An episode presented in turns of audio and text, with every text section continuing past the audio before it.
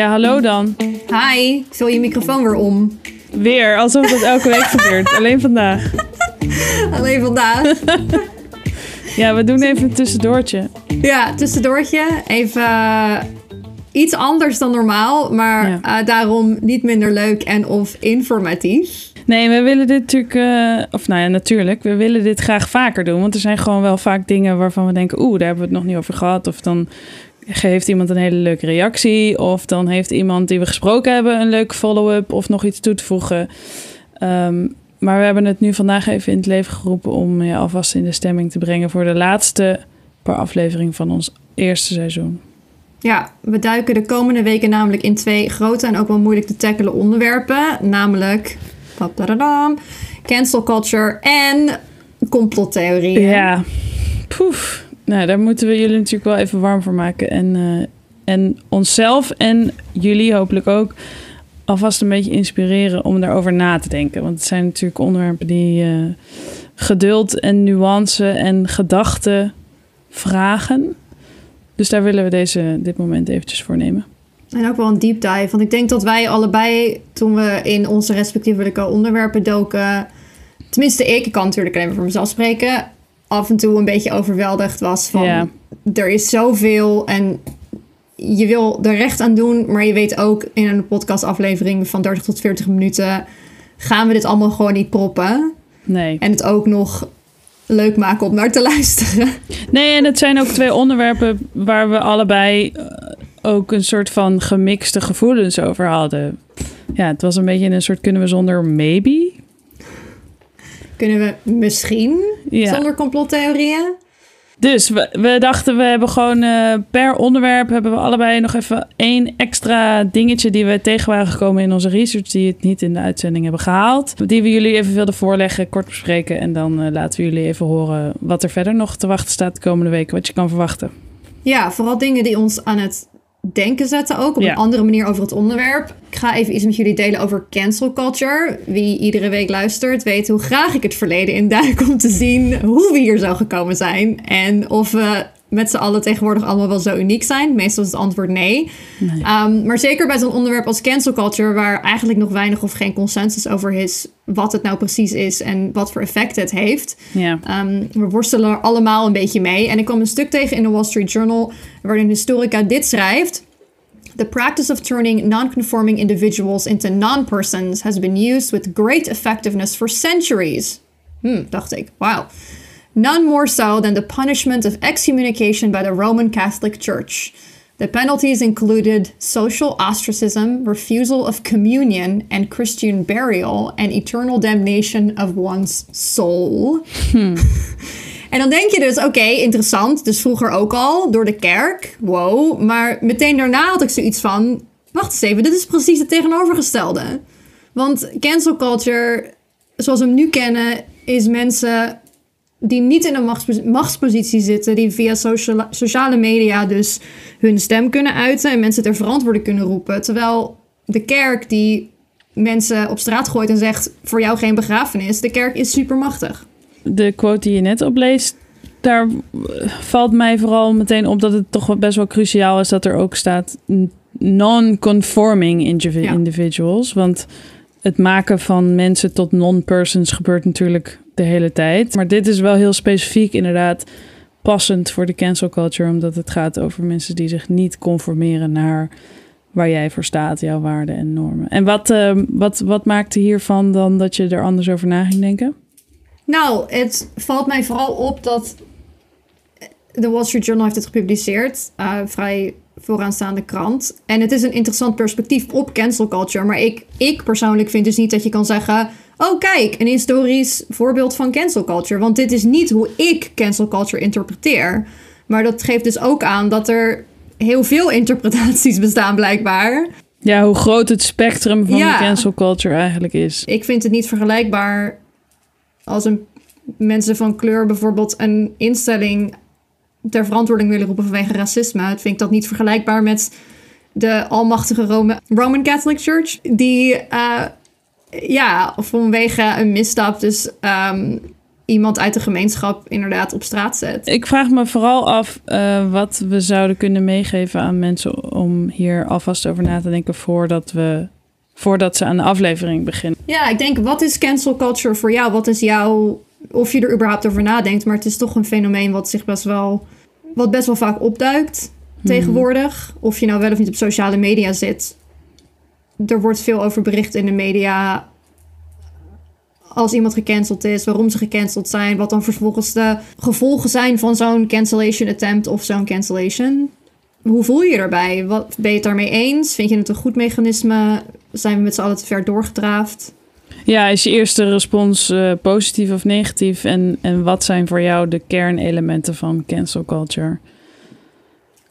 Ja, dat zijn denk ik wel interessante vragen om even over na te denken voordat je inderdaad samen met ons volgende week in uh, een enorme berg voorbeelden duikt.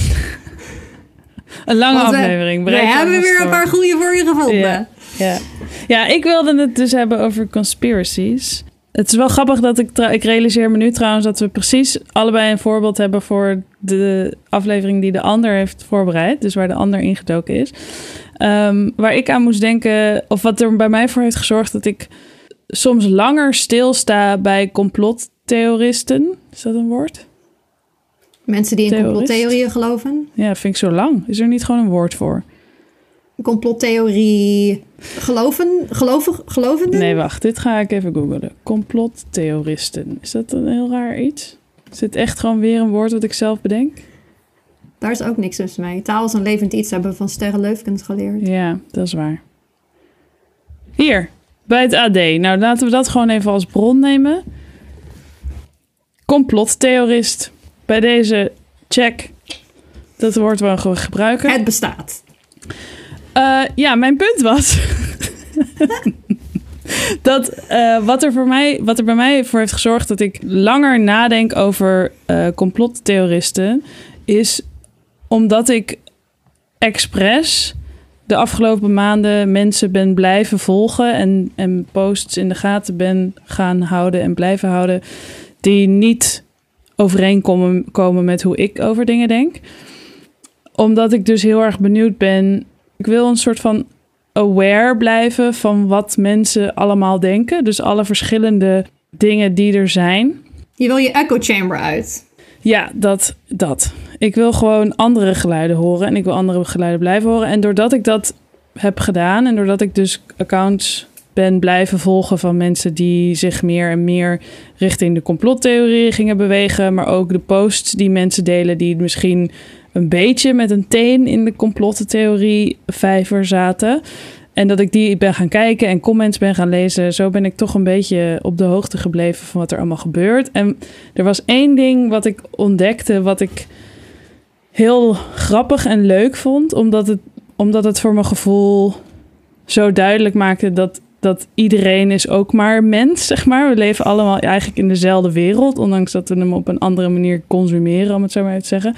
Want ik ontdekte dus een pagina die inmiddels lijkt te zijn verwijderd of zijn vervangen. Maar ik ontdekte een pagina met allemaal memes. Maar dan over complottheorieën en over het zijn van een complottheorist.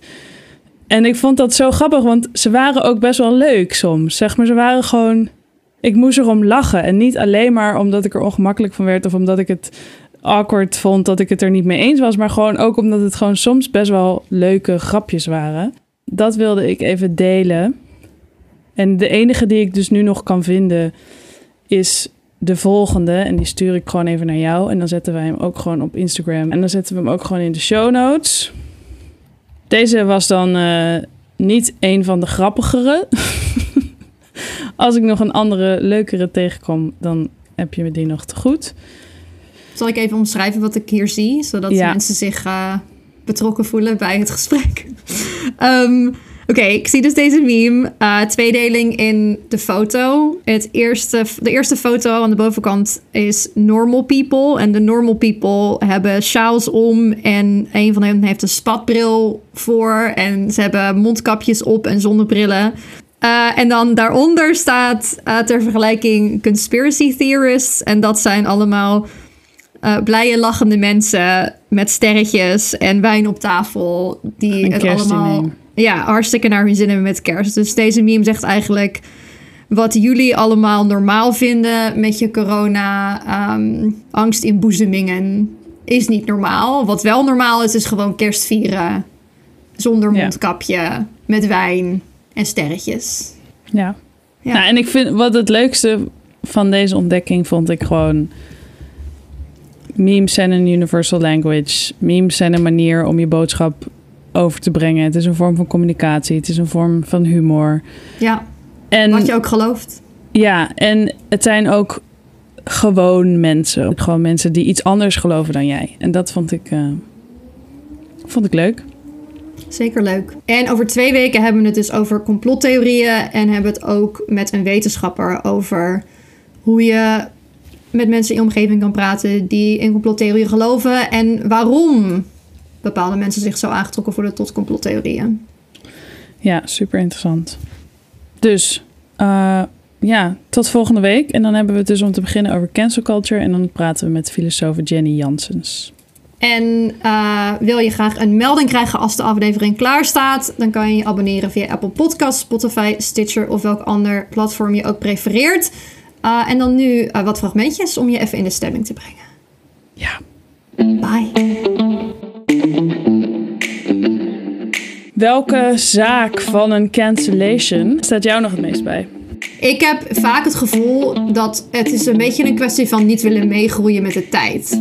Wat zij beargumenteert is dat we juist onze aandacht moeten besteden aan, aan mensen die die aandacht wel verdienen. Gender anxiety, people with attachment anxieties, low self esteem, perceived stress. All of these psychological variables have all been shown to predict greater belief in conspiracy theories. Wat is jouw favoriete conspiracy theory?